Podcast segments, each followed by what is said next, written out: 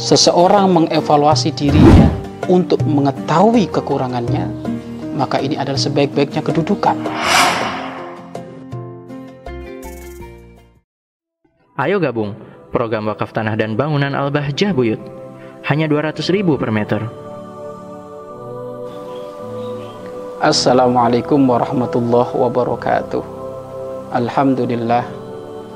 Alhamdulillahi rabbil alamin. Wal aqibatu lil muttaqin. Wala udwana illa 'alal zalimin. Wa sallallahu wa sallama ala imamil mursalin. Habibi rabbil alamin. Sayyidina wa maulana Muhammad sallallahu alaihi wasallam wa ala alihi wa ashabihi wa tabi'ina lahum bi ihsanin ila yaumiddin amma ba'd pemirsa yang dimuliakan oleh Allah Subhanahu wa taala kunci agar dicukupkan urusan dunia dan akhirat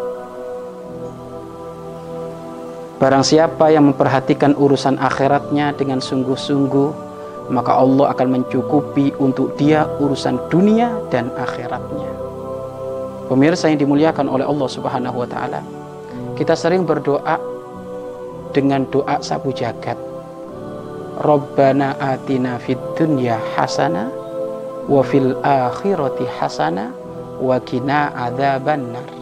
Rabbana wahai Tuhan kami atina berikan kepada kami fid dunya di dalam urusan dunia hasanah kebaikan, kecukupan, melimpah ruah. Wa fil akhirati hasanah dan juga urusan akhirat juga kecukupan melimpah ruah. Wa qina adzabannar dan jauhkan kami dari siksaan api nerakamu. Ini doa yang sering kita panjatkan dan ini doa istimewa, mencakup segala aspek kehidupan dunia dan kehidupan akhirat. Namun perlu diketahui wahai pemirsa, agar supaya engkau dicukupi urusan duniamu, utamakan urusan akhirat.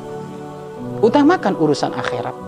Apa pun yang kita lakukan dalam urusan dunia, niatkan semuanya untuk kepentingan akhirat, niscaya duniamu dicukupi oleh Allah. Akhiratmu dicukupi oleh Allah. Maka jangan lupa, untuk kita menggapai kesuksesan dunia itu ternyata kuncinya akhirat. Karena orang itu kalau sudah niat segala apa pun kuncinya pakai akhirat, maka di saat dia menjadi penjual, penjual yang jujur, tidak culas. Di saat dia menjadi pejabat, pejabat yang tidak koruptor. Kenapa? Karena di saat dia menjabat, niatnya untuk mulia di akhirat. Pingin mulia di dalam kuburan. Pingin bisa masuk surga. Maka siapa pun yang pingin sukses dunianya, begitu juga sukses utama akhiratnya, maka ini hendaknya bersungguh-sungguh di dalam mempersiapkan bekal menuju akhirat.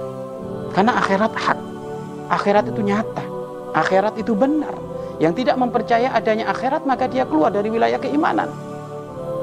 Keluar dia dari wilayah keimanan. Imannya tidak sempurna. Karena termasuk syaratnya iman, rukunnya iman kan ada enam. Di antaranya adalah iman kepada hari kiamat. Nah hari kiamat ini adalah benar. Urusan akhirat ini adalah ben benar. Maka pemirsa, jika Anda ingin dicukupi urusan duniamu, disukseskan urusan duniamu, maka utamakan urusan akhirat. Utamakan urusan akhirat. Utamakan urusan akhirat, mengutamakan urusan Allah, mengutamakan urusan baginda Nabi Muhammad Shallallahu Alaihi Wasallam. Dan tengok kehidupan orang yang mengutamakan urusan akhirat, walaupun sibuk bab dunia, mungkin dia pembisnis, mungkin dia pedagang, mungkin dia seorang kontraktor, mungkin dia seorang ini, seorang itu, ketahuilah kehidupannya santun, penuh dengan keindahan. Bahkan di sela-sela dia sibuk, tidak lupa menyempatkan tasbihnya memutar dengan kalimat astagfirullah, subhanallah, Allahumma sholli ala Muhammad. Kenapa? Karena beliau menikmati ini adalah perjalananku menuju akhirat. Sehingga bisa jadi di saat dia lagi ngomandui atau menjadi mandor tukang-tukangnya masih nyempetkan dia di balik di balik gardu yang ia ia bikin untuk menjadi tempat teduh di saat dia mengomandui tukang-tukangnya mungkin di situ dia sempat membaca Al-Qur'an, membaca Yasin, membaca Waqiah, membaca Tabarok, membaca Al-Baqarah, bahkan mungkin bisa hatam ada di proyek perumahannya itu. Kenapa? Karena dia memikir ini semuanya adalah ladang untuk kemuliaan akhirat. Dan sungguh betapa hebat orang yang seperti ini. Inilah kekasih Allah yang mastur. Dia kekasih Allah bersembunyi di balik di balik apa? Di balik dia menjadi kontraktor Dia kekasih Allah yang sembunyi di balik dia seorang pembisnis. Padahal dia kekasih Allah Subhanahu wa taala. Dan ada orang yang seperti itu. Dia sebelum berangkat ke kantor dia baca doa. Sebelum berangkat ke kantor dia ngingetkan tukang-tukangnya bawahannya, ayo sholat duha, ayo baca doa. Loh, orang yang seperti ini ia akan sukses. Dunianya sukses, apalagi akhirat akhiratnya. Pemirsa yang dirahmati oleh Allah Subhanahu wa taala, kunci kesuksesan sangat mudah utamakan kehidupanmu di akhirat. Andaikan kalau sudah mengutamakan kehidupan di akhirat, lah kok ternyata dunianya nggak dicukupi oleh Allah, ketahuilah susahmu di dunia ternyata lebih kecil dibandingkan susah nanti di akhirat. Mungkin barangkali ada Pak Ustadz saya sudah mengutamakan akhirat Pak Ustadz tapi dunia saya kok kok ternyata masih pas-pasan ketahuilah duniamu pas-pasan itu masih lebih baik lebih bagus daripada dunianya kanjeng Nabi Muhammad. Dunianya kanjeng Nabi Muhammad di bawah rata-rata pas-pasan. Beliau beliau tiga hari nggak makan kok. Anda pernah? Nggak makan tiga hari? Enggak. Orang sekarang ngomong hidupnya pas-pasan sehari makan tiga kali. Sudah gitu menu menu menu masakannya beda-beda lagi. Sudah gitu ngomong nggak punya apa ngomong melarat. Itu bukan melarat sesungguhnya tapi melarat hatinya karena kurang adanya iman tawakal kepada Allah Subhanahu wa taala makanya hati-hati jangan sampai harta melimpah di kanan kiri kita tapi hati kita penuh dengan tomak. Kalau sudah ada tomak di dalam hati kita, maka itu kefakiran yang tersembunyi yang yang menjadikan tidak nampak kebesaran Allah, tidak nampak nikmat-nikmat pemberian Allah Subhanahu wa taala. Pemirsa yang dimuliakan oleh Allah Subhanahu wa taala, ayo fokus urus akhirat kita. Seorang yang fokus urusan akhirat bukan berarti dia meninggalkan bekerja. Oh enggak, dia bekerjanya rajin. Rajin bekerjanya. Bukan berarti dia tidak akan menikah, dia menikah tapi urusan dengan istrinya, masya Allah, santun, lembut, urusan dengan anaknya, masya Allah, diperhatikan, dicetak anak-anak yang soleh.